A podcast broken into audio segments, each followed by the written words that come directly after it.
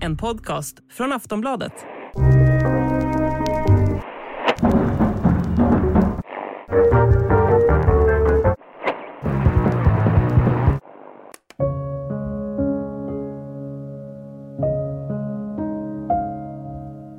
Let me live. Let my heart live. Let me love.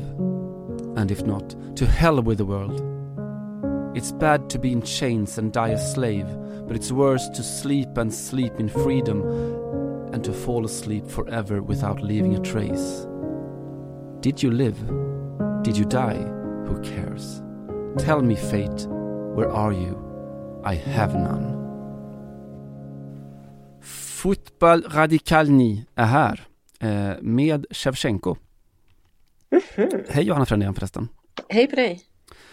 Inte den Shevchenko utan eh, Nej, det var min följdfråga, men jag anade väl detta. mm, Taras Shevchenko, eh, Ukrainas kan man säga nationalskald, nationalpoet, eh, nationalromantiker hur som helst. Eh, Mm.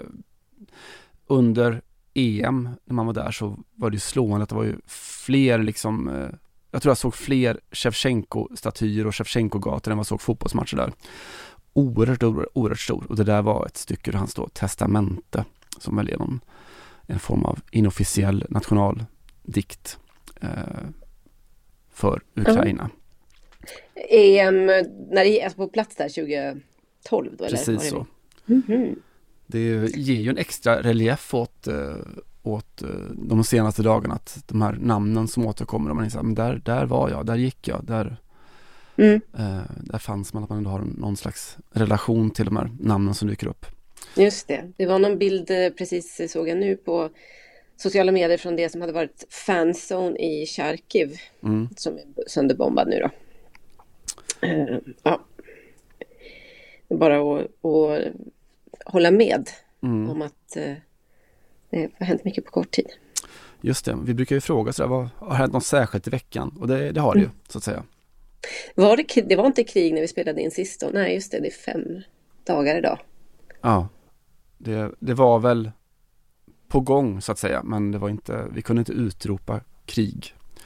Eh, hindrade inte oss från att prata ganska mycket om, om Ukraina redan då. Nej, just det. Eh, och det lär väl vi göra den här veckan också, tänker jag.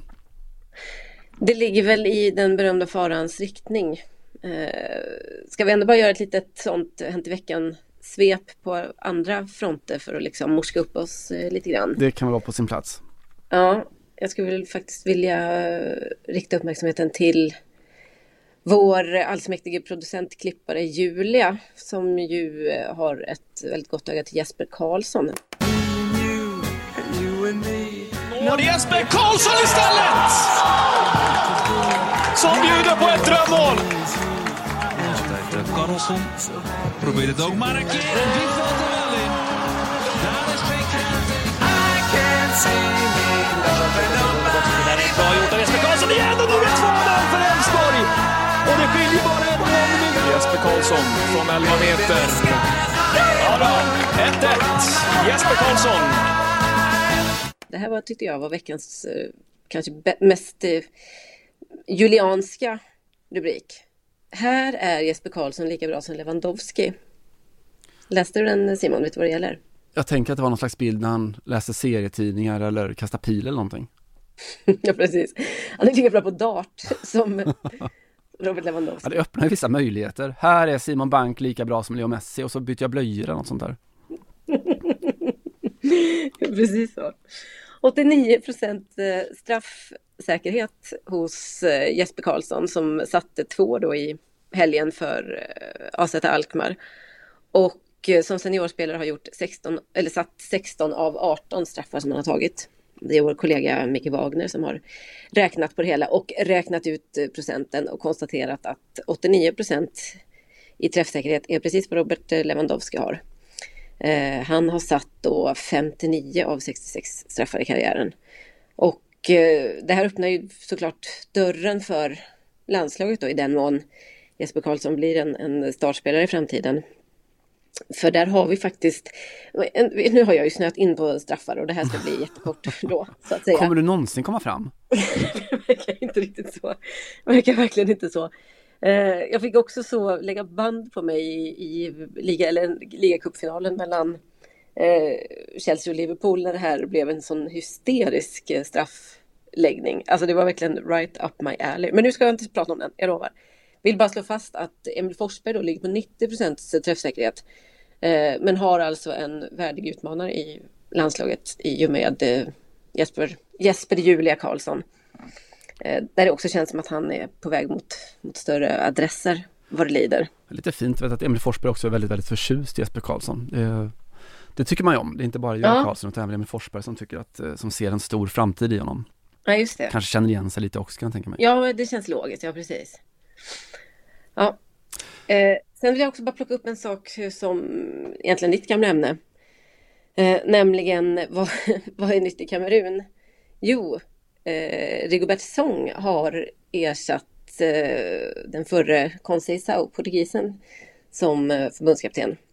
Efter att man inte lyckades då ta sig till final utan blev väl trea i, i hemma Afcon, hemma afrikanska, eller hemmamästerskapet alldeles nyligen. Och hur gick det här till då? Eh, hur blev Song förbundskapten bara så över en, över en natt sker det väl i och för sig oftast, men jo, det var ett dekret av president Paul Biya eh, som du ju har uppmärksammat oss på, har redan agerat så tidigare när han engagerade Roger Milla i 94-truppen var det då eller? Precis. Ja. Eller 90 till och med. Eh, ja, just det, precis. Det står ju då i Fifa stadgar att det får inte ligga några politiska intressen bakom den som, är, som tillsätts som förbundskapten. Så att Paul Biya tänkte, nej men då gör vi det så extremt jävla uppenbart det bara går. Eh, så får vi se om de orkar utmana mig. Och det har de inte gjort hittills i alla fall. Vi kan väl återkomma till Fifas dekret och stadgar och sådär. Vad det lider. Vi får väl anledning att göra det, precis. Eh, Song ska då, den gamla Liverpool-försvararen bland annat, han var runt i flera klubbar i Europa ska då som första huvuduppgift så att säga leda Kamerun i playoff mot Algeriet. Vi slog ju fast det också att finalparen eh, Egypten och Senegal ska mötas också i ett, eh, en direkt utslagsmatch eller utslagsplayoff till VM. Och det här är väl det andra riktigt eh, dallrande jättemötet mellan Kamerun och nordafrikanerna i Algeriet. Så att eh, en, en matbit att börja med för eh, sång. Ja, det känns som att Paul Bia inte har så mycket överseende med om det inte går. Då kanske han eh, utfärdar ett nytt dekret och kastar in någon ny på posten. Kan bli Roger Milla igen. Ja, varför inte? Det är inte alls omöjligt.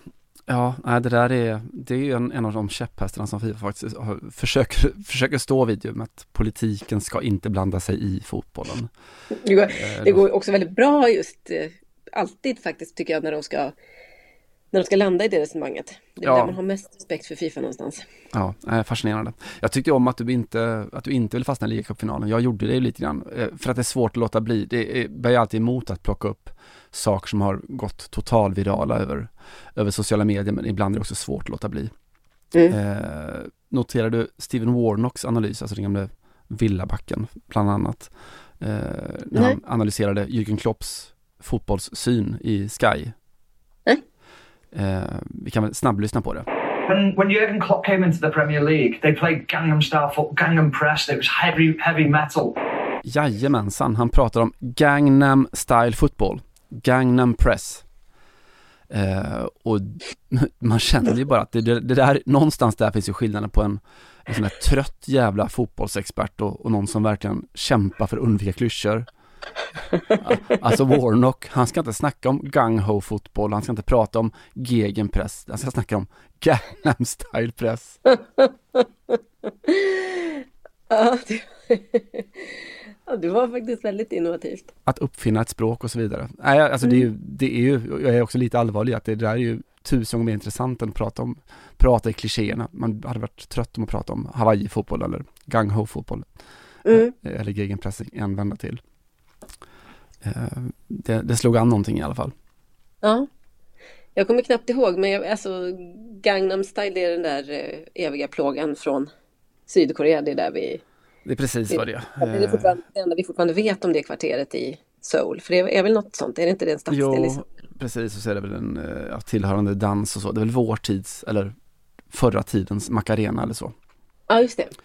Blir det väl. vår tids Macarena och så vidare. Mm. Ja. Und so weiter. Eh, ja, annars så har det varit eh, för, för, en podd som ibland då och då kämpar med skohorn och vaselin för att få in de politiska skeendena i fotbollen så har det varit lite sådär gefundenes fressen i, i veckan, lite för lätt. Alla jävla amatörer ska göra samma sak nu. Ja, Eller hur? jag håller med om det. Men vi är glada för att alla ni som lyssnar ändå söker er till originalet eh, så att säga. Nu kommer utmaningen här Simon och det är att säga något originellt om det som händer i eh, fotbollen kopplad till eh, Ryssland och Ukraina. Men vi, alltså, give it a go. Ska vi, bara, ska vi bara säga så, se var vi landar någonstans? Ja, gud. Nej, lätt är det ju inte hur som helst. Det är ju verkligen inte lätt. Men det är alltså intressant ändå med, alltså Gianni Infantino har inte haft en lätt vecka. Alltså vi minns ju lite till mans. Man satt i, i Moskva och hörde honom på när han summerade eh, det fantastiska tidernas bästa VM 2018 och, och pratade om, eh, om Ryssland och hur bilden av Ryssland hade förändrats eh, i omvärldens ögon. Eh, Eh, han sa bland annat, vilket väl har alla förutsättningar blivit bevingat citat, att, att världen har skapat vänskapsband med Ryssland that will last forever. Mm. A big, big thank you to Russia. Spasiba Россия. Big thank to the Russian government, President Putin. Thank you very much. Ja, forever. Det är en rätt så kort tid. I... Ja, precis. Framförallt mot slutet eller vad det är vi brukar säga. Just det. Sa, mm. eh, Woody Allen va?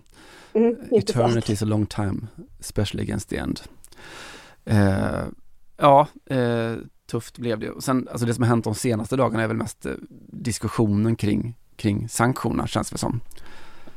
Eh, där då fotbolls-Europa ska man vet inte exakt hur det kommer påverkas. Det vi vet är väl då med att klubbarna, de ryska klubbarna har slängts ut ur internationellt spel och att landslaget då efter vissa om och men inte får, får kvala. Eh, mm. Och så då alla Europas fotbollsoligarker eh, riskerar, har, vissa av dem har redan drabbats av sanktioner och andra riskerar det. Eh, kan väl vara läge kanske att bara tala om vilka de är som, som riskerar eller så. Abramovic såklart mest upp, uppmärksammat eh, med Chelsea och där finns det ju eh, rent faktiskt och faktuellt så är det så att, att, att, han har, har haft band till Putin är bortom alla former av diskussioner. Eh, däremot så finns det frågetecken hur, hans, hur den relationen ser ut i, idag. Eh, framförallt så är det ingen som riktigt vågar slå fast att det är så med, med risk för att möta en armé av advokater.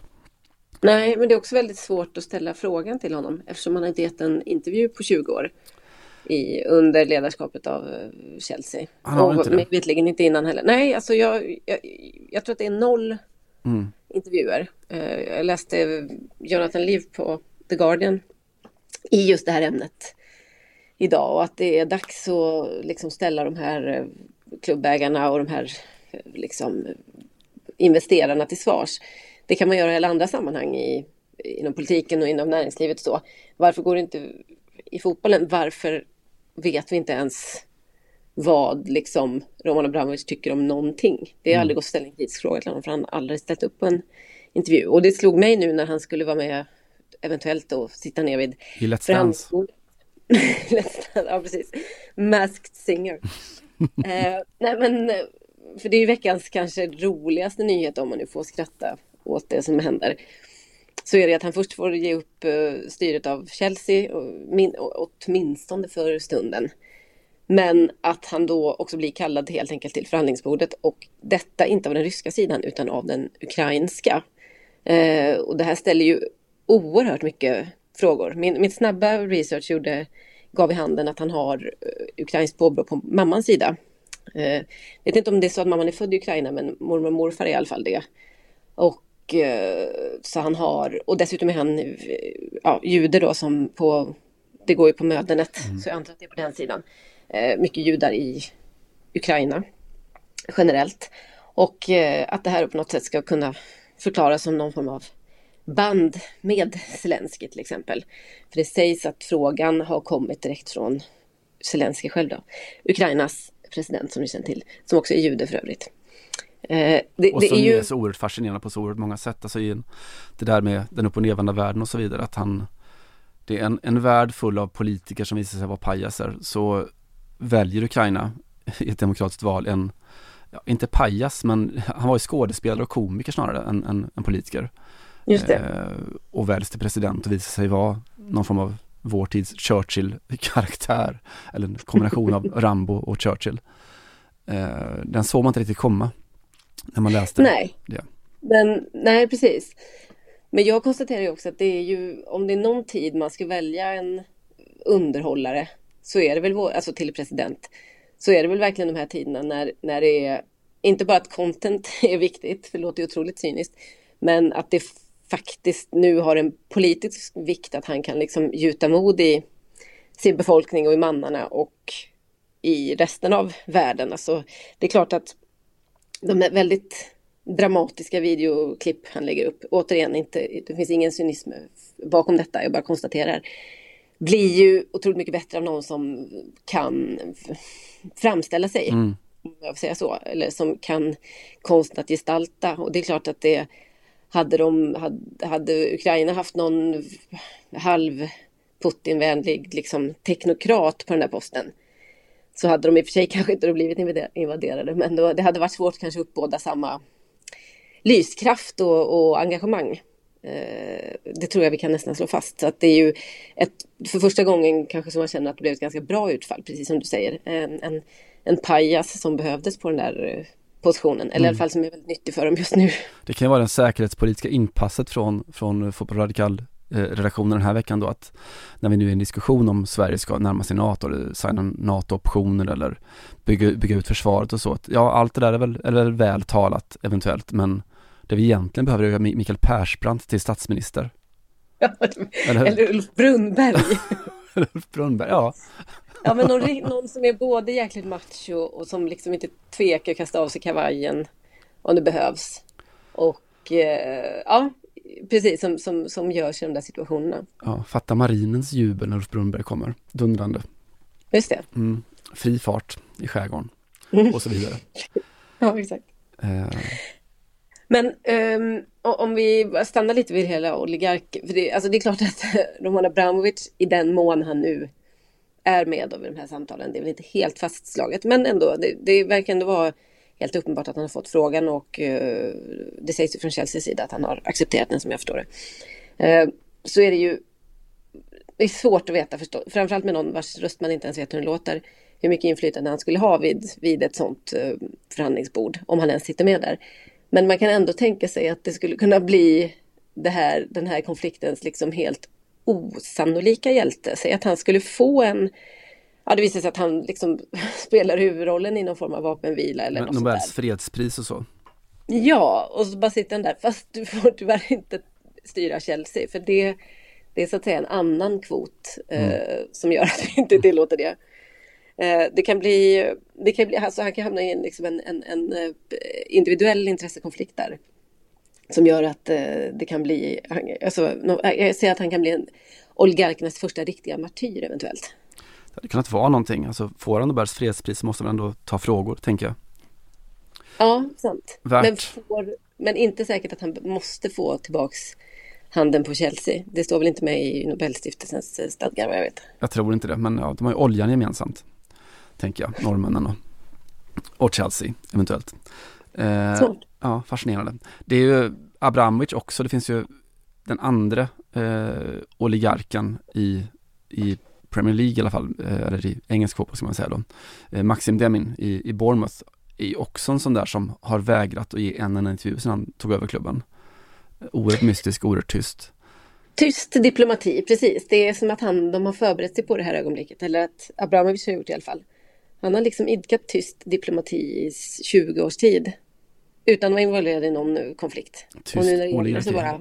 Mm. Mm, det är, och senast så vet vi att eh, Alisher Osmanov, alltså Arsenals förre delägare och som nu då är en, en eh, den tyngste då investeraren i Everton. Eh, där igår då när vi spelade in det här så gick man ut med ett nytt ett sanktionspaket där han omfattades. Mm. Eh, också hos man med, med tydliga då aktuella, relativt aktuella eh, relationer till, till Vladimir Putin. Just det. Eh, intressant. I Frankrike finns väl diskussionen kring Rybolovjev då, eh, som äger Monaco och även då Cercle Bruges eh, i, i Belgien. Eh, där man inte riktigt vet. Han gjorde sina pengar, sin förmögenhet då under Jeltsin, Jeltsin-styret eh, och man vet inte. Han har ingen direkt relation till Putin men det är lite oklart och svajigt som det ofta är. Eh, men debatten finns i fransk fotboll och ska vi verkligen ja, Monaco är en, en uppenbart rysk klubb på väldigt många sätt. Ska, Mm. Vad ska vi göra med dem? Det är ju lite godtyckligt eh, får man ju ändå säga. Det här med vem har en relation med vem. Det har väl varit mycket rykten om att Abramovic och Putin inte drog jämnt under i alla fall några år. Mm. Också, så frågan är hur eh, mycket fnurra på tråden man har behövt ha med Putin för att man inte ska omfattas av det här. Eh, om inte problemet i själva grunden är var pengarna kommer ifrån från början. Liksom, att det är lite Putin eller inte är lite skitsamma i efterhand. Men att de ändå delade på statskassan i mellan 10-15 pers där och eh, ja, på något sätt sög ut resten av befolkningen och tog med sig allt till London var det väl i första hand. Till Londongrad. Nej, det är ju, det finns ju liksom ingen, ingen bortre gräns för det. De, ett gäng då som har stulit en hel generation ryska pensioner i princip och sen då de här arbetarna, folkets söner skickas sen iväg i, ett, i en konflikt och ett krig som inte verkar vara deras riktigt. Eh, så ja, det, det finns vissa som betalar eh, det totala priset och andra som, som cashar in. Eh, men oavsett hur man ser på det så är det, det är oerhört intressant att se de här frågorna. Hur ska kulturen förhålla sig? Man får ju nästan någon sorts McCarthy-vibbar att ja, men du, måste, Ja. du måste denounce, du måste förneka Putin innan du ska få Mm. dirigera vår orkester eller uppträda på vår, på vår opera eller ställa ut på vår konstutställning. Ja visst. Eh, och andra som ja, försöker gå någon sorts Ovechkin-väg med att säga att krig är dåligt. Men du älskade ju Putin alldeles nyss. Men jag håller med och jag tycker faktiskt att det, jag tycker den här McCarthy-parallellen är ganska så giltig för att nu, jag hörde på, var det på Kulturnyheterna igår eller om det var idag, att de söker då dirigenten för Münchens filharmoniker tror jag. För man väntar på att han ska, måste göra ett uttalande som är anti-Putin annars får han inte vara kvar. Typ. Eller Ja, han måste säga någonting och det är ju det som gäller såklart. Eh, och det är och det ska, kommer vi väl in på hur sanktioner inom idrotten slår och, och vad som är rimligt och vad som inte är rimligt. När man representerar, representerar sitt land. Men det gör man faktiskt inte som dirigent eller skådespelare eller vad du vill. Um, och det är, ju li, alltså det är ju lite märkligt om det helt plötsligt inte ska råda då, vad ska man säga, åsiktsfrihet inom kulturen. Va? Med tanke på att eh, det brukar ju vara, i alla fall i Sverige så ligger ju de där frågorna på i samma ministerportfölj, är det inte så? Jo. Nej, och det är, det är en det är inte en jättelätt fråga men alltså i, att vara kontroversiell brukar man vara någonting som ibland emellanåt uppmuntras inom kulturen. Du kan till och med få ett, Mm. ett Nobelpris i litteratur fast du är väldigt, väldigt, väldigt kontroversiell i politiska frågor. Mm. Eh, till På exempel. rätt sätt. På rätt sätt. Du måste vara kontroversiell på rätt sätt, lite som du och jag är tror jag. Mm, är vi kontroversiella på rätt sätt? Kanske du Ja, eventuellt. mitt, mitt var det kontroversiella. Jag är okontroversiell på fel sätt kanske. Ja. Det kan vara så. Eh, vi kan väl återkomma till sanktions, sanktionsdiskussionen om inte du har mer saker att säga om oligarker hit och dit. Nej, Nej. Eh, och för jag har ju en, en, en, en tanke som slog mig i, i morse här, jag satt och lyssnade på P1 Morgon eh, och fick i ett av deras svep en väldigt så här klar vision av vår framtid och närmare bestämt då våra förbundskapteners framtid och ännu närmare bestämt vår assisterande förbundskaptens framtid. Peter Wettgren är du bekant med. mm. Eh, tuff situation för honom ju såklart, apropå sanktionerna, att eh, det är inte så att Sveriges möjligheter att nå VM har, har vuxit den senaste, de senaste dygnen här. Eh, I och med att Ryssland utesluts, eh, men vilket då för svensk del betyder att i en eventuell kvalfinal så möter man Polen som inte behövt att spela en kvalsemifinal mot Ryssland. Vilket kanske borde vara negativt kan man tycka, eller tänka. Mm. lite lätt kan man väl säga det kanske jag. Lite lätt, men det är, it's a sport of details. Eh, Ja.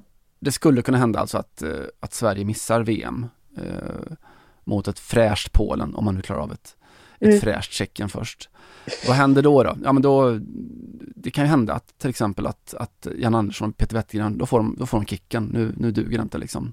Mm. Om vi går lite Kamerun här. Mm. Eh, ni ska ut. Vem, vem, vem sätter Magdalena Andersson? Okej, det här är faktiskt en jättebra fråga. Om hon bara måste, då är det ju, då är det ju eh, Anders Ygeman antar jag som får jobbet då, eller? Alltså man ser ju fram emot presskonferensen i alla fall. Kan du prata lite högre Ygis? Han har ju en underbar röst. Ja, ja gud. Den, den pulsen stiger inte i onödan. Jag hade en gymnasielärare som också gick in, du vet sådär svenska och engelska, Kenneth Östersund, som gick in liksom, ställde sig vid katedern och sa, och du vet alla, alla babblar, och så sa han så här, hörni, alltså verkligen inte, Ja. och alla bara blev knäpptysta. Det är ju något med män som pratar jävligt lågt och får folk att lyssna som är fascinerande. Briljant psykologi. Jag tyckte också om när den här eh, Coronakommissionen presenterade sin slutrapport. eh, Nu minns jag inte namnet på han, men han som presenterade den, som jag ville ha, bara lyssna på i timtal. En sån fantastisk timbre i rösten och lugn och ro. Eh, alltså som Tegnell fast minus skorr. Jättefint. Just det. Eh, Sidospårens sidospår, sidospår. Ja, vi jobbar oss vidare i alla fall. Eh, Mm. Peter Wettergren, vad, vad fan ska han ta vägen då någonstans? Och det var ju det här som slog mig då. i- Vadå för att han har scoutat eh, Ryssland, det är det du menar? Nej men han får kicken. Eh, Jaha, om vi förlorar? Eller om ja, om vi missar. VM. Mm. Eh, tänker jag, när vi går Kamerun och Mag- Magda Andersson petar, petar och skickar in några nya. Eh, jag vet inte var hon skulle hitta dem, men, men det får, det får vara ett, ett ämne för en, en senare, ett senare avsnitt. Mm. Men just det. Ygeman säger jag ju. Ja, Ygeman, där, Mm. klart. Eh, Mm. Thomas Bodström som assisterande. Åh herregud i himlen. Ja, ja. Eh, jo, för jag hörde en, eh, en kyrkoherde i P1 Morgon. Eh, Thomas Werfman, kyrkoherde i Hedvigs kyrka i Norrköping. Pratandes om eh, hur kyrkan då förhåller sig till konflikten, som Chelsea säger, i Ukraina. Mm. Eh, och pratade, och vi, vi kan väl bara lyssna på, på hur han låter. Han får bland annat kommentera hur, ja, hur, hur det kommer sig att då kyrkan pratar om alla människors lika värde och hit och dit och Medan då delar av den rysk-ortodoxa kyrkan då har välsignat de ryska soldaterna. Eh, Thomas Werfmans take på det här, låt oss lyssna lite på honom. Men kyrkan är ju en del av, sin, av samvärlden, av omvärlden. Vi är ju en del av samhället. Det gäller ju även mig. Jag som eh, kyrkoherde i Norrköping, jag ställer ju upp på den svenska demokratin.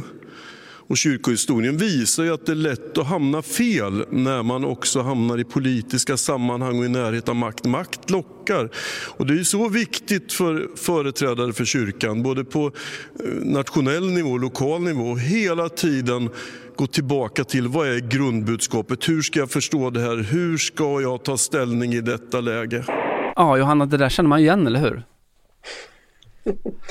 Jag känner att du har mitt bakhåll nu så jag säger bara mm. Ja, hur ska vi agera när någonting händer? Då är det så oerhört viktigt att vi återgår till våra principer. Eh, Ja, grunderna. För här är Peter Wettergren, det här plockar jag bara, man skulle kunna plocka vad som helst. Jag plockade ur en, eh, en intervju i Olof Lunds podcast före förra sommarens EM-slutspel. När Peter Mm. Wettergren pratar om principer. Utifrån våra alla principer vi har, anfallsspel, försvarsspel, så väljer vi ut de här principerna blir viktiga mot Spanien. Då kommer vi inte gnugga på vårt grundspel än, utan då väljer vi ut de principerna som blir viktiga. Vad kan det vara för en, Ta bara ett exempel på för princip. Ja, vi kan ta deras, deras eh, spelvändningar till exempel. Hur agerar vi på, i vårt försvarsspel på spelvändningar? Om man bara tar det som ett exempel, då kommer vi gnugga de detaljerna på träning. Både teoretiskt, hur vi vill att det ska se ut och sen tar vi med oss det ut på plan för att förbereda våra spelare på bästa sätt. Samma sak i vårt anfallsspel. Eh, vad gör vi när vi vinner boll mot Spanien? Var finns ytorna? Och då gnuggar vi ju det liksom. Så att det blir väldigt specifika saker vi kommer jobba med. För då tror vi någonstans att grundspelet sitter, alla vet hur vi vill agera. Men i den här matchen blir de här principerna extra viktiga. Och då är det det vi fokuserar på. Och sen när vi går in mot Slovakien, då väljer vi ut kanske andra principer utifrån att vi har kartlagt dem. Och då kanske vi jobbar med den träningen vi har inför Slovakien-matchen, att då blir de principerna viktiga. Men grunden sitter i botten, det är det vi lägger upp de första två veckorna. Sen väljer vi ut saker och ting mot respektive motstånd. Ja, hörde du vem det var som var vettig och vem som var värfman? Det var, det var, det var mycket rösttvilling vibe faktiskt eh, på dem. Det är ju lite som med Peter Wettergren som det är med Roman Abramovic. Han älskar ju inte att tala, i alla fall inte inför pressuppbåd och på presskonferenser och sånt där. Så att eh, jag hade nästan glömt hur den lät men eh, nu det, det stämmer absolut. Det fanns, eh, förutom rösten och dialekten så verkar ju principen vara ungefär densamma inom Svenska kyrkan och Svenska herrlandslaget i fotboll. Vilket jag i och för sig välkomnar. Det är väl bra att det bara finns vissa modeller som går att flytta rakt över på olika institutioner. Ja, alltså jag tycker att det är totalt överförbart det där att ja, det är lätt att hatta hit, det är lätt att hatta dit. Men till syvende och sist så måste man återgå till principen. Mm. Grunderna, de är alltid samma. Och det är lite mm. lätt aggressiva tonfallet i det också. Jag kan mm. absolut se Peter Wettergren stå och predika inför församlingen om ett halvår eller så. Men han, han hatar ju uppmärksamhet. Ja men det gör väl präster också. Det är väl, publiken, det är inte så att den ökar direkt. Nej, men jag tror att eh, däremot kan jag absolut se honom alltså, som, som en grå eminens i, eh, du vet, eh, kyrkans krigsstrategi. Eller för den delen på regeringskansliet. Där tror jag han skulle göra sig bättre. Viska lite i örat. Du tänker att Ygeman han byter plats? Norrländska, eller nor Norrköpingskan. Eh, ja, varför inte? Då har vi löst det också. Varsågod. Mm. Mm. I övrigt så vad det gäller Fifa-sanktionerna så diskuterade jag dem i morse på SVT. God morgon säger vi också till fotbollsjournalisten Johanna Frändén som är med oss på länk. Du sa att jag lyssnade på P1 så du missade detta. Mm. Eh, och eh, vad är rimligt och hur bra är idrottsvärldens agerande? Jag, jag känner att det råder en, en generell konsensus att den agerandet är väldigt bra och resolut. Eh, sådär, stäng av, stäng av, stäng av. Um, hockey, hockeyn, fotbollen, friidrotten va? Mm, det är väl skidorna som, handbollen, ja precis. Skidsidan som det har um, svajats lite detta, men generellt så har ju de flesta förbunden, nationsförbunden och så vidare varit uh, glasklara i detta. Fifas vajade till lite men landade ganska snabbt i, i uh, avstängning tills vidare för Ryssland. Ska vi bara ta också tillfället i akt då, för jag satt ju med, mina, med min uh, Fifa-röst igår, alltså i, i örat och då inte jag har en Fifa-röst. och uh, fick, och hörde lite hur, hur, hur förhandlingarna har gått till och det som är sagt uh, är ju faktiskt att Ryssland är för närvarande avstängda. Men man har ännu inte när vi spelar in detta fattat ett definitivt beslut om att ryska damlaget inte ska få spela EM till exempel. Om det är så eh, fick, jag, fick jag direkt från, från Zürich höra att, att eh, konflikten är slut om några dagar. Hur det nu skulle gå till. Så är man ganska redo att plocka in Ryssland igen i, i sammanhangen. Så, att eh, det, så kan det ju bli också. Det, och det är väl därför som det inte har kommunicerats ännu i alla fall någon ersättare till eh, i Sveriges grupp. Då. Sverige möter ju Ryssland i är damernas EM. Så det här kan vara året när Abramovic vinner Champions League eh, och Nobels fredspris och mm. damfotbolls-EM? Mm. Alltså det, det, ja, och allt hänger ihop kan man säga. Mm. Allt kommer vara så en kedjereaktion på hans, hans eh, förmåga vid förhandlingsbordet. Ja, inte så illa. Nej, inte så illa. Inte så illa. Nej. nej. men det är ju oerhört kittlande och intressant. Och jag vet när, när eh, det första beslutet från Fifa kom om att man, ja, man pratade om konflikten i Ukraina och att man pratade om att det, eh, ja, att man inte då skulle stänga av eh, Ryssland. Eh, då jag ombads att skriva om det där och gjorde som jag ofta försöker göra, att tänka, verkligen ta på mig då makthavarhatten och, och inse, för jag kan vara allergisk mot det här att man då försöker förenkla allting, att det här är så enkelt och självklart, för det är det ju nästan mm. aldrig. Det är lite med diplomati som, som vi pratade om förut med juridiken, att det måste handla om undantagen. Att om man gör så här nu, vilka implikationer får det här sen? Eh, det är inte så jävla lätt. Sen så tycker man att det här fallet är så rakt och enkelt. Men att det, det som det här gjorde var att kasta ljus på undfallenheten som hela fotbollsvärlden haft så oerhört länge inför alla former av, av despoter och autokrater och skurkstater för all del. Mm. Eh, men om vi börjar, börjar en annan ände och prata om då att eh, överdriver vi liksom fotbollens eller idrottens betydelse i allt det här. Eh, den får ganska mycket utrymme med just sanktionerna mot, mot sporten. Betyder det verkligen någonting? Är det viktigare liksom med en Nord Stream eller, eller gaspriser eller, eller vad det nu kan vara, ekonomiska sanktioner? Eller Swift. Ja, det är det ju såklart, men jag tycker ett bra tecken för, för hur, hur viktig just sporten kan vara är ju att, eh, att ta det här som ett exempel, Italiens mest spred, spridda tweet till exempel då kring, kring Ukraina-krisen. Eh, den kom ju inte från någon politiker eller så, utan den i särklass mest eh, spridda tweeten, vad tror du att den handlade om? Tuff fråga. Eh, Eurovision Song Contest kanske? Eh, Måneskin och grejer. Eh, hade mm. det kunnat vara, men det var... För de en... ska ju arrangera det i år. Mm, just det. Med Ukrainas representant som vägrar åka och eh, Ryssland som väl inte får åka efter många moment också. Nej, Autogol, ett sånt här eh, sportkonto som publicerade bilden av det här Malinovskis målfirande efter målet för Atalanta. Då när han ah. visade sin t-shirt där med ett budskap riktat direkt till sina ukrainska landsmän och mot kriget. Just det. Och det är så att just det där, det får, det får ett, värde för att det får sånt genomslag. Och jag tänker också i, i de här tiderna man pratar om då, om slutenheten, censuren, propagandan i, i Ryssland, att det är svårt att nå fram till, till stora delar av den ryska befolkningen med, med den här bilden. Till och med militärer som inte riktigt förstått vad, vad konflikten handlar om eller vilken roll mm. man spelar i den. Eh, om man helt plötsligt märker att vi får inte vara med på det här som jag nu tänkt att ägna min onsdagkväll åt att titta på på TV så blir det också en, en, någon form av informationsvåg som, som når fram till de breda ryska folklagren och det kan ju finnas en poäng i det också, tänker jag. Ja, alltså det är otroligt att du säger det här utan att ha tittat på Morgonstudion. God morgon säger vi också till fotbollsjournalisten Johanna Frändén.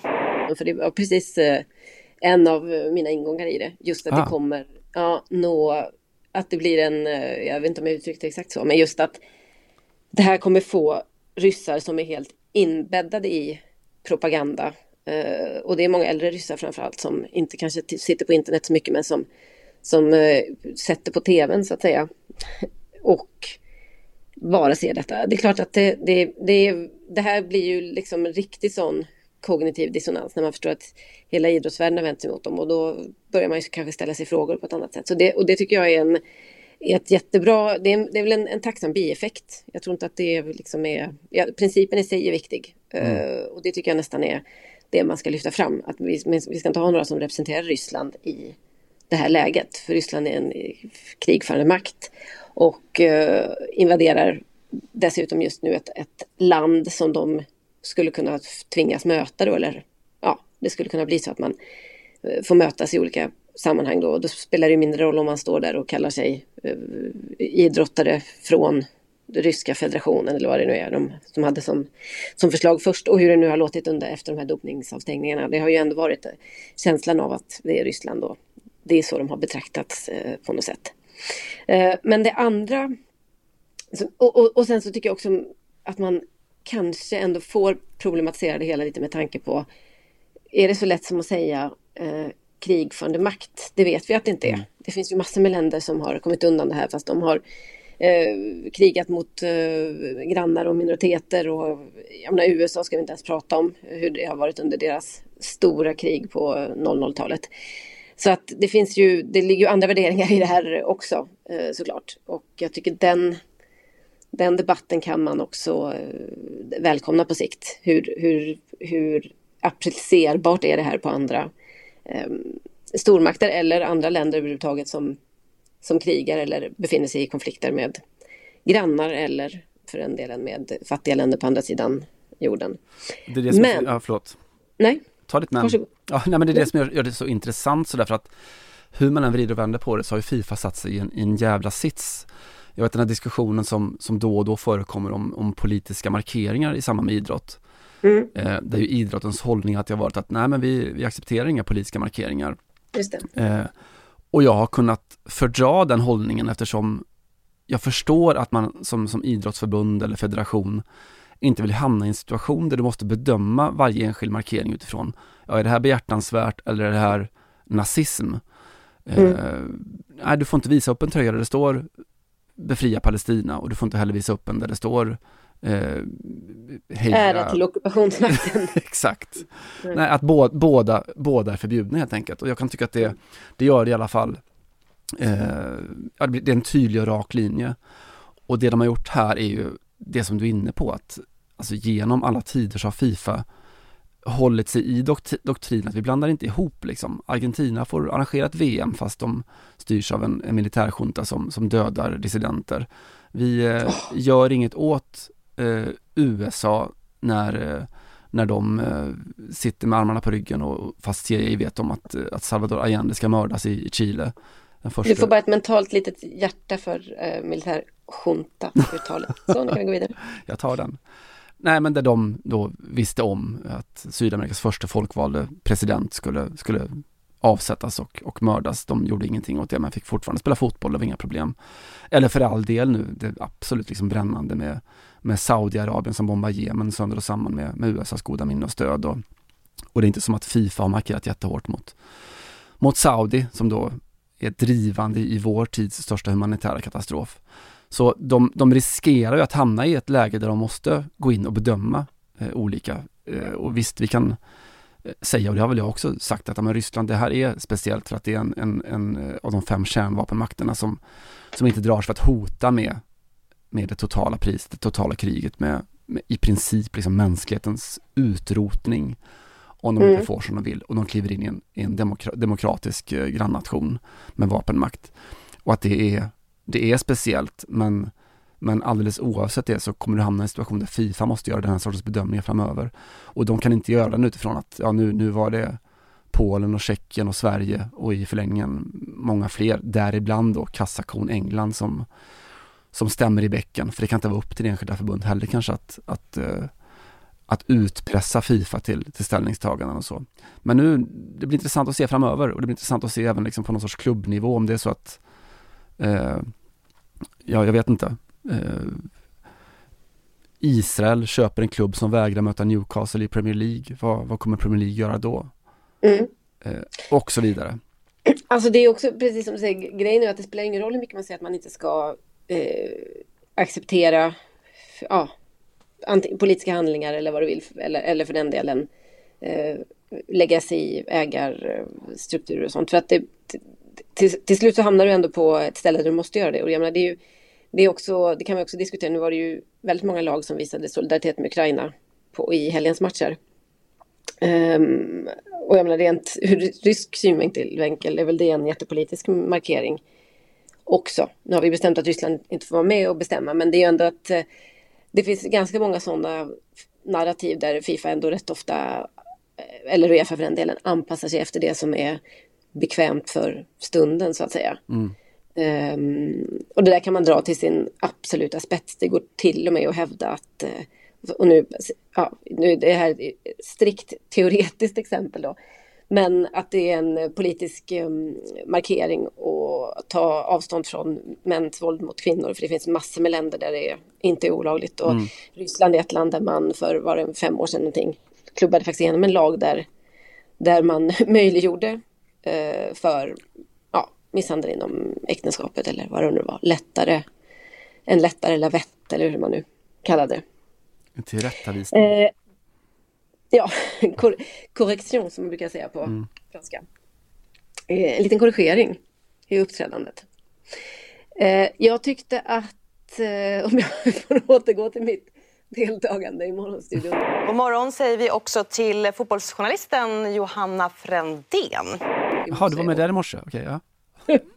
Vad det här jag skulle säga egentligen. Jag har haft lite svårt på slutet att komma fram till mina slutsatser, har du hört det?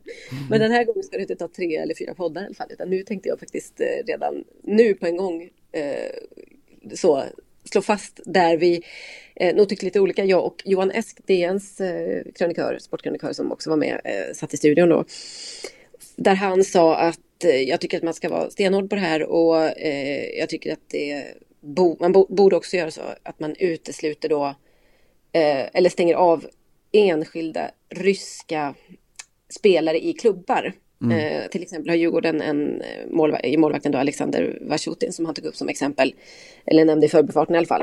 Jag tycker självklart att ryska idrott ska, ska stängas av. De här sanktionerna som förekommer inte minst efter dopingskandaler, de funkar ju inte för det är ändå ryssar, det säger ju ryssarna själva, vi är ändå, we're still Russia har de sagt när de får tävla under ett annat namn. Så stäng av dem överallt. Jag skulle vilja se dem avstängda i NHL och i fotbollsallsvenskan, det finns en Djurgård, Djurgårdsmålvakt, överallt. För man säger visst, det drabbar de här idrottarna, men vad då? det är ju ingenting mot hur ukrainska idrottare drabbas. Eh, och där, och vi hann inte utveckla det, men där kände jag spontant, eh, där går min gräns som man säger på havsspråk. Är det sant att om vi går med i EU så kommer det komma 10 000, ungefär 10 000 tyska bögar hit till Sverige? Eh, det är liksom... Det är, no, det är en skillnad i att eh, företräda landet Ryssland, vilket man gör i landslagssammanhang då, vilket man gör i såklart eh, allt det som är skid-VM och OS och, och vad du vill, framförallt på fotbollssidan då i kval. Och det är helt okej okay, eh, att stänga av klubbar, mm. eh, antar jag. För de tillhör ju ett land, man tillhör en liga och så vidare. Men är det rimligt att en enskild fotbollsspelare som så att säga verkar på den fria marknaden och har hamnat i Djurgården då förvisso utlånad från Zenit Sankt Petersburg, så där finns det en liten twist på detta. Men om vi bara pratar om principen, att man helt plötsligt ska straffas för att ens eh, regering på hemmaplan fattar eh, beslut som Eh, Fifa tycker är regelvidriga då, eller vad man ska säga. Eh, då blir det då, då, blir, alltså då, blir det ju, då är det nästan lite nere på karsism igen. Och framförallt så tycker inte jag att det känns riktigt rimligt. För mig går det en ganska glasklar linje mellan individuella idrottare som tillhör lag i andra länder och eh, att företräda Ryssland som land. Ja, det, det tycker jag är given också. Det håller jag helt med om. Alltså det är I förlängningen av det så är det att men ska, vi, ska vi uträtta sanktion mot, mot eh, Alexej Navalny. Han är ändå ryss. Ja. Eh, det, det, det påminner om den där, vet, den här klassiska eh, Hillersberg teckningen, någon, någon, demonstration där, där polisen pucklar på en, en, en demonstrant och säger att du, du ska ha stryk din kommunist. Ja men snälla konstapeln, jag är antikommunist. Jag ger fan i vilken sorts kommunist du är, du ska ha stryk i alla fall. ja, Ja, det är verkligen lite det.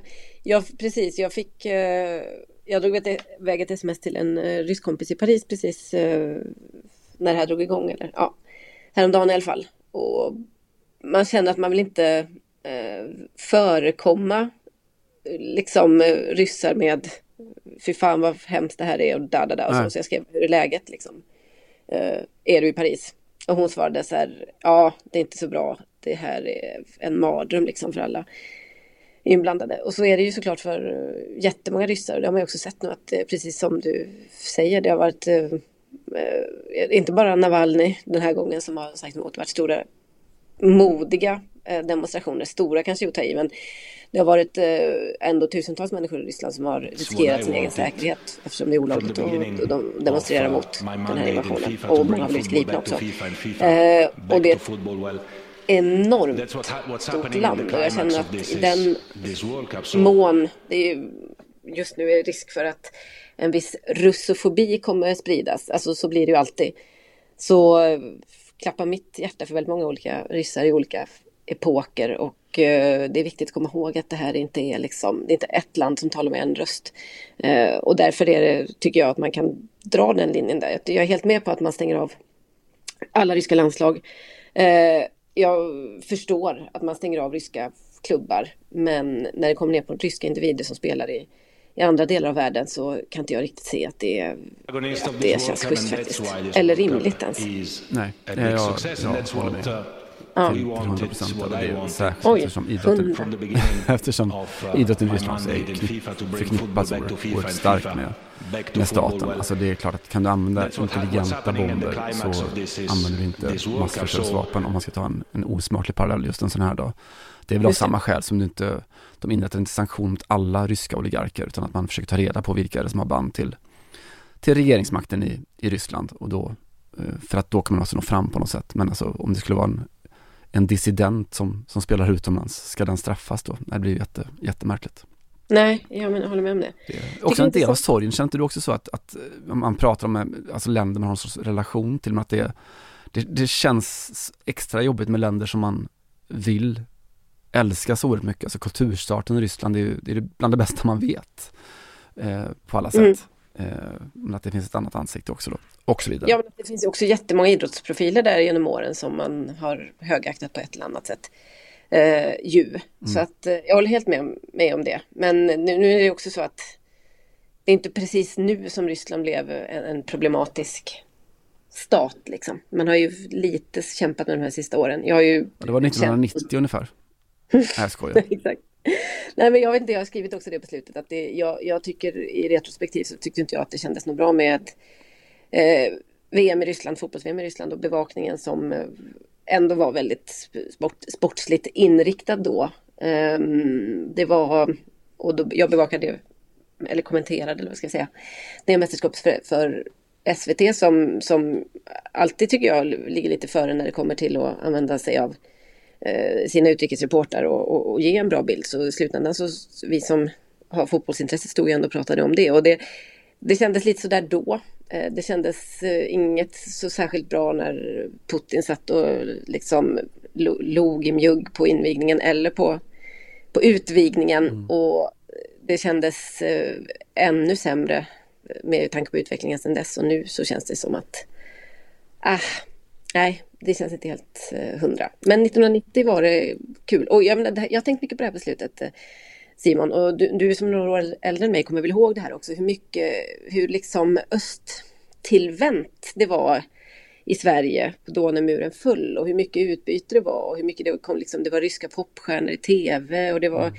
Jakob Stege och det var alla de där grejerna. Det var liksom det var ju verkligen töväder och känslan av att eh, det, det, var berikande att få, få in öst i medvetandet igen och att det, det är ju i, i, ljuset av det som det här känns sorgligt också tycker jag att det, vi, vi, hade någon form av förståelse eller eh, känsla av brödraskap eh, i ett par årtionden. Men nu är det liksom som bortblåst igen. Ja, nej men det, det, det är det förjävliga att det är så oerhört mycket som pekar på att just vår generation, om man nu klumpar in det lite ofint i min, så att vi på något sätt blev, och kanske tio år tidigare då. Jag, jag öppnade lite för det får man säga. Ja, du får ta den. Det var du som började med den här ålders, åldersrasismen. Eh, att det, det, var där som mänskligheten pikade. Det var våra generationer som fick det, det ekonomiska välståndet och vi kunde resa världen runt före klimatkrisen. Vi kunde konsumera och vi slapp det kalla kriget eh, i vuxen ålder. Eh, alltså Julia Karlssons generation kan inte förstå något av det här. De fattar ingenting. Bara, de är... Nej, de måste bara känna, vadå Ryssland, var det inne? Var, var, de, var det på svensk tv? Sjung, alltså du vet, det var också mycket sådär att... Fick man flyga till Norge? fick, man, exakt, fick man flyga inrikes? Nej men det var väl också, och det här att svenska artister gjorde en del samarbeten med ryska eh, sångare. Ja men allt det där som, som, eh, som man minns i, i så eh, om man kan, kan man minnas något i ögonvrån, det är väl svårt, men i, längst bak i skallen att det var, det var på ett helt annat sätt då. Uh, och så är det inte längre. Jag ska berätta för Julia om nu, hur det var när farbror var ung. Just det. Ja, um, ska vi lämna detta tråkiga ämne eller vill vi, vill vi lustifiera det lite på sanktionsfronten? Jag vet att du har flaggat för att du kanske hade någon form av uh, skratt Ja, alltså jag, jag hann inte med det till, till ett halvt skratt. Jag hade en, en vag idé om att vi skulle föreslå alternativa sanktioner från fotbollsvärlden gentemot Ryssland som skulle kunna slå ännu hårdare och ännu mer kirurgiskt träffsäkert. Men eh, dels har klockan tickat iväg för mycket. Vi, eh, vi är på väg in i vår egen, egen konflikt här kring vår poddstudio. Dels så blev det inte så jävla roligt, men det var tanken om att kan vi inte föreslå att om de fortsätter kriga i Ukraina och invadera Ukraina så kommer Putin typ tvingas att eh, få ett ettårskontrakt som målvakt i Leeds eh, med hot om att fortsätter de ännu mer så kommer man få tvåårskontrakt och så vidare. Här Julia lägger du på trumvirveln så att det, vi räddar Simon lite. I ett segment som var tänkt att bli roligt så att säga. Exakt, det blev vad det blev. Mm. Nej, så vi, jag tror vi raskt byter ämne. Vi byter raskt eh, ämne. Ska vi prata om tjejor lite grann? Äntligen. Äntligen tjejor.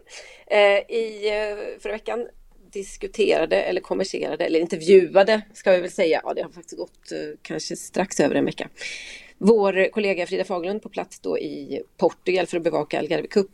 Eh, med, hon, hon pratade med Kosovare Asllani som eh, fick göra en intervju för första gången på ganska länge. Varför då? Jo, för att hon var med lands, svenska landslaget då på uppdrag och där är det relativt öppna spjäll fortfarande. Men i eh, Kosses vardagsliv i eh, Real Madrids damsektion så har man lagt locket på. Inga intervjuer annat, alltså med media då.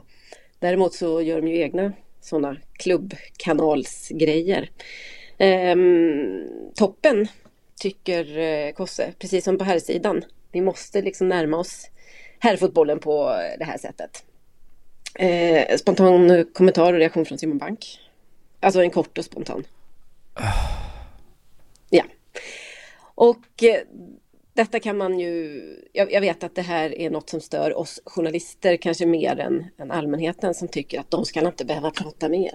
Och där har jag alltid lust att säga, ni förstår inte hur tråkigt det skulle vara att följa fotboll eller någon annan sport om de aldrig fick prata med oss. Det skulle vara en ganska poänglös liksom, eh, aktivitet. Men låt gå för det då. Jag tänker inte argumentera i mitt case. Däremot så tänker jag säga emot Kosse på några punkter då. För hon säger så här att som klubblag väljer man sin strategi, eh, hur man vill lägga upp allting och för oss spelare handlar det om att förhålla sig till det. Jag, jag gör inga intervjuer i klubblagsmiljö. Eh, och så säger hon också att det är så mycket fake news då i Spanien. Så att det här, hon har läst massa grejer om sig själv som inte stämmer. Hon tillstår då att svensk media är bättre, förvisso. Men att det är, eh, ja, det är rätt väg att gå för att på något sätt då hålla sig borta, antar jag, från felaktiga nyheter eller lögner i media. Då ska man inte prata, vilket jag tycker är ett direkt eh, felslut. Jag, det är alltså, nu kom, nu kom min åsikt in där i resonemanget. Det in. Mm. Det smögs in, ja precis. Nej men eh, Eh, det, här har jag stött på med eh, Kosovare Asllani, för de spelade i PSG under eh, flera säsonger. Och eh, var, är, ju en ganska svår person, det ska vi inte sticka under stol med. Jag, det är en sån lirare och förebild som jag tycker väldigt mycket om att hon finns, så att säga. Och jag tycker att hon är, har drivit jättemånga av damfotbollens liksom, debatter och oket framåt i, i många år. Eh, men det finns också en, eh, en eh, sida med liksom det man kanske skulle tidigare kalla divalater som är mm, en del av det här och det här tycker jag den här intervjun visar ganska mycket på, på detta då. Ehm, man orkar inte gå ut och dementera grejer säger hon. Jag förstår hur herrspelarna känner sig. Ehm, man, man kan inte hålla på och svara i telefon hela tiden. när journalister ringer. Eh, hon menar att jag förstår absolut inte spelare som svarar i telefon. Allt det här är ett, liksom, en sorts argumentation för att damfotbollen måste nå herrfotbollens status genom att kopiera herrfotbollen. Eh, och det här är ju på ett sätt ganska uppfriskande då, för jag har aldrig hört det sägas så här tydligt. Däremot så skrev jag en text för ett par år sedan som handlade just om Real Madrid och jag hade faktiskt blivit lovad en intervju med eh, Kosovare Asllani och eh, Sofia Jakobsson på den tiden. Och jag hade tagit mig till Spanien, inte enbart för detta, men eh, fick eh, nej då på slutet för att de hade en kuppmatch om två veckor som de behöver fokusera på. Detta enligt eh, presschefen, så här ska ingen, ingen skugga falla på Kosovare Asllani. Men det här visar lite hur man resonerar i klubben Real Madrid då, som är väldigt stängd på här sidan, det har hon helt rätt i. Och eh, visar också lite på, tycker jag, enskilda eh, fotbollsspelares vilja eller ovilja att att vara behjälpliga. Och eh, förutom att det här är liksom en problematisk hållning till media och vilken roll media faktiskt eh, spelar i eh, också i damfotbollens framfart eller överhuvudtaget uppmärksamheten kring olika sporter så stämmer inte riktigt det här. Och, det och i en fri värld som vi kan konstatera i dagarna. Vad sa du? Och i en fri värld som vi kan konstatera i dagarna. Ja, Exakt så, precis. Det är just det som är liksom själva grundgrejen i det hela. Vem ska man låta sköta då narrativet om, om det bara är klubbarna? Hur kan man inte som en tänkande människa förstå att det eh, kanske, det kanske liksom serverar ens egna intressen eller tjänar ens egna intressen just nu. Men att det är en ganska dålig utveckling på alla andra plan. Eh, det hade man nog lätt kunnat eh, få de här att ställa upp om det gällde inte vet jag, näringslivet eller politiken eller, eller vad som helst.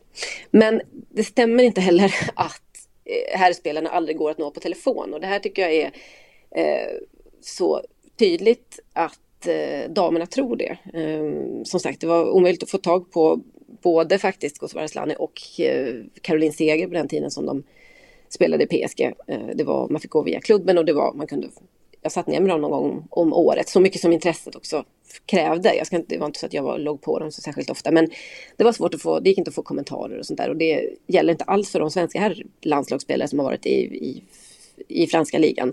Allt från Jimmy Durmas, eh, Ola Toivonen, Emil Kraft, nu Jens Kajust, alla de har jag liksom kunnat nå på ett sms i princip. Sen så händer det att de inte vill prata, men då brukar de meddela det. Nej, jag vill inte kommentera det här eller jag har inget att säga om det och det, det får man ju respektera.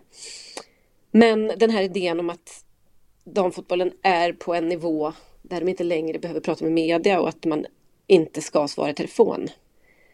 Nu bara kände jag att jag behöver få ur mig det här eh, raseriet för jag tycker att det är ett enormt felslut och eh, dessutom så vill jag också bara gå eh, någonstans reda ut i vilken utsträckning det här stämmer. Ja, Zlatan Ibrahimovic fick jag inte tag på på telefon när han var i PSG. Liksom. Go figure. Men övriga har detta faktiskt inte gällt eh, på här sidan och då har det varit eh, i princip bara landslagsspelare som har varit av intresse. Så att, eh, ja, brr. Slut på rant. Det känns bara brutalt. Eh, det finns inte mer att säga. Ja, nej men också vill man ha tillväxt på något vis, för det antar jag att även Kosovare Asllani vill ha, så, så är det ju en ganska enkel matematik att se. Alltså det finns ju ett skäl till att, att Ada Hegerberg tjänar en hundradel av vad, vad, vad Neymar gör, eller så. Eh, att damfotbollen är yngre som, som den här sortens då internationell toppidrott. Eh, och hur växer man? Ja, du växer genom tv-pengar. Hur får man tv-pengar? Genom att vara synlig, att vara stjärna och så vidare. Och det där med att inte orka svara i telefonen hela tiden. Jag tror inte att det hade varit att det är så många herrspelare som skriver under på den beskrivningen heller. Att det, är, det är inte så att en landslagsspelare på herrsidan sitter och svarar i telefon hela tiden. Det är klart de inte gör. Eh. Absolut inte. Alltså Micke Wagner ringer dem en gång i veckan. Ja. Alla som är ute i Europa. Om man har tur. Och, ja, om man har tur. Och gör det jobbet och frågar lite över ens straff, straffsparksstatistik och, och så vidare. Men jag lovar att på våran tidning som ändå är så att säga marknadsledande är det inte så särskilt många andra som har. Jag menar, jag har ju haft eh, en del kontakter med de svenska spelarna i franska ligan. Eh, det har också varit ganska sporadiskt, eller högst eh, sporadiskt skulle jag säga. Så det är verkligen inte ett stort eh, problem för de allra flesta. Det är klart när vi kommer upp på Zlatans nivå så är det någonting annat. Och det, jag menar, det förstår man ju. Det finns ju en ganska enkel matematik i det. Men han hade ju fått sitta i telefon hela tiden såklart. Men eh, precis, det, och det är väldigt få som har någonsin sagt till mig att de eh, tycker att det här är jobbigt eller att de inte orkar eller att man inte kan förvänta sig det här eller så. Jag menar, det, det i nästan alla fall helt vanliga schyssta killar som tycker att som är väluppfostrade nog att svara på ett samtal, punkt slut, eller ett sms. Vare sig det är ja eller nej liksom. Ja, och det handlar väl inte om, alltså det är ingen någonsin som har begärt att man ska vara tillgänglig eh, 24-7. Det är inte det som är grejen. Utan att, nej. Och det är inte det som Kosovare Asllani säger. De säger att vi ska, vi ska stänga oss, vi ska sluta oss, vi ska inte ge intervjuer. mer eller mindre så. Hon gör det i landslaget för att det krävs det, men hon gör det inte i klubben för att det, det är fake news och, och om fake newsen består i att någon eh, kör transferspekulation om att hon skulle vara på väg till Milan så det kan väl inte vara så jävla jobbigt tänker jag. Utan att ha den insikten i en, i en toppfotbollsspelares vardag. Mm. Eh, men det jag vet inte, jag, jag, kommer att tänka lite på, jag skrev en, en lätt provokativ text för några veckor sedan om hur att, att allsvenskans mål var då att bli världens bästa liga inom ett par år. Eh, och menade på att vi ser ju hur, hur den internationella herrfotbollen har gått, gått totalt vilse, eh, etiskt och moraliskt och ekonomiskt och, och, psykologiskt och i relation till sina supportrar och till folket och, och ja, sin, sin, sin värld på så oerhört många sätt. Man har det att navigera utifrån och då kan man väl göra så att ja, men okej, då vänder vi oss bort från det. Vi väljer de bitarna som är bra och resten eh, struntar vi. Och, och damfotbollen skulle kunna göra i princip samma sak om man vill, ja. i alla fall på vissa områden. Vi ska, ja, inte, vi ska inte bli som ni. Ja, men exakt. Precis, det är ju idioti att tänka nu ska vi kopiera allt som är dåligt, allt som är bra och allt som är dåligt med Eller ja, vi ska kopiera allt som är dåligt med herrfotbollen för att bli lika bra som dem eller få lika mycket, få samma status eller samma uppmärksamhet. Eh, förutom att jag inte tror att det funkar, är jag övertygad om att det inte funkar, så är det inte en sympatisk inställning, punkt slut. Ja men verkligen. Ja, men det, och det, det är intressant att man, vi befinner oss just nu när man det finns en, en situation där det kan riktas den här sortens kritik liksom och diskussioner. Det är en brytningstid för, för damfotbollen eh, och jag kan tycka att det är lite uppfriskande också. Jag tänker på det här eh, med Magdalena Eriksson, eh, kapten i Chelsea och, och landslaget som var ute och vevade mot herrspelare som inte tog ställning mot Qatar och eh, mot, mot länder som, att, inte, att herrspelare inte använder sina plattformar och yttrandefriheten för att kunna protestera mot kvinnoförtryckande länder eller, eller, eller så, eller sportswashing och, och allt det där. Eh, och jag konstaterade ju då att, att hon kanske inte var så väl skickad att framföra den kritiken eftersom hon spelar i den klubben som, som kickade in hela sportswashing-fenomenet i den moderna fotbollen med, med Chelsea. Mm. Spelar i klubben som nu kanske, vars då högste baron kanske kommer lösa i och för sig kriget i eh, Ukraina. Så watch your tongue säger jag. Ja, och, och om, kanske Magdas sida av historien till slut. Ja, och om Roman nu gör det, då kanske Magda går ut och använder sin yttrandefrihet till att kommentera saken också. För hon har inte pratat om, Mm. om det här i alla fall. Eh, så nej, det finns, eh, det finns eh, saker att, att fundera kring för våra, våra stora damfotbollsstjärnor. Ja, i och det är i grunden en positiv sak att de har hamnat i den här situationen där de kommer behöva ta ställning till samma moraliska eh, dilemman som, som herrarna. Eh, Och jag vill återigen poängtera att jag tycker om att eh, Kosovare Asllani finns. Jag tycker att det är kul att hon eh, är lite avig och eh, inte så jävla bekväm hela tiden. Eh, Med det sagt så håller jag, jag delar inte analysen som man säger nu för tiden. Fan, nu står de och bankar där på fönstret tänker jag i, i eh, din eh, sån... I åsiktskorridoren är det väl som väntar. Det passar ju ganska bra. Så är det. Vi har exakt en och en halv minut på oss för att rädda våra, våra liv från ledarredaktionens ilska. Och den vill vi inte vara, vara en del av, det lovar jag. Nej. Eh, tattoo, Simon. Mm. Aren't we all a couple of teenage Russian lesbians och så vidare? We are you know. Ja. Eh, den ryska supergruppen som inte var ett lesbiskt par har det, sagt, har det berättats i efterhand. Men de, de framställde sig väldigt mycket som det i början på 00-talet eller kring eh, ja, det förra millennieskiftet var det väl. Eh, då var de eh, unga, nu är de nästan medelålders. Duon då, Tattoo, splittrades. När var det? Ja, de splittrades efter massa bråk i alla fall.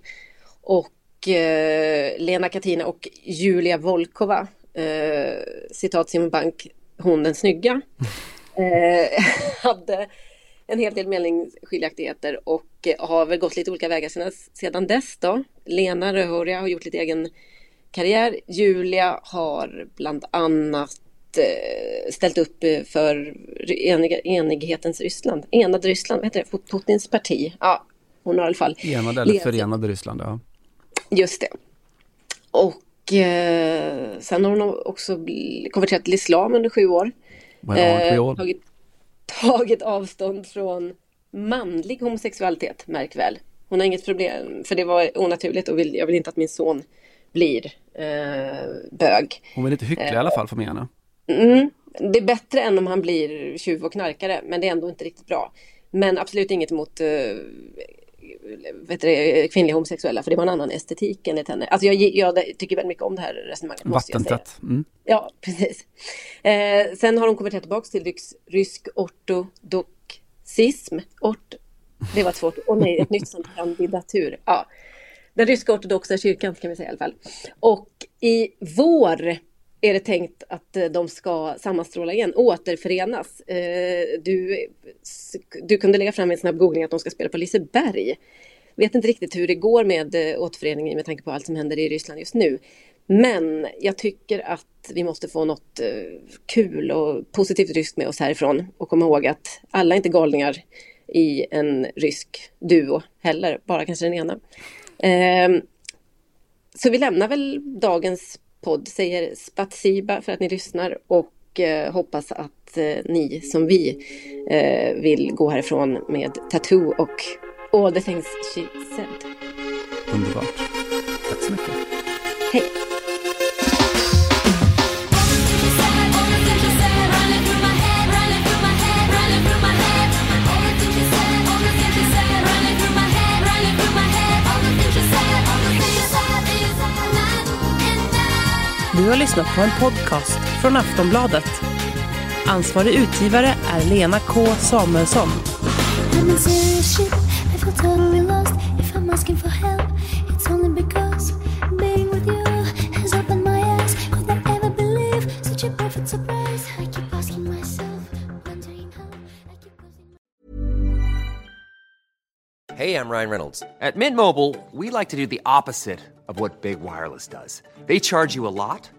we charge you a little. So naturally, when they announced they'd be raising their prices due to inflation, we decided to deflate our prices due to not hating you.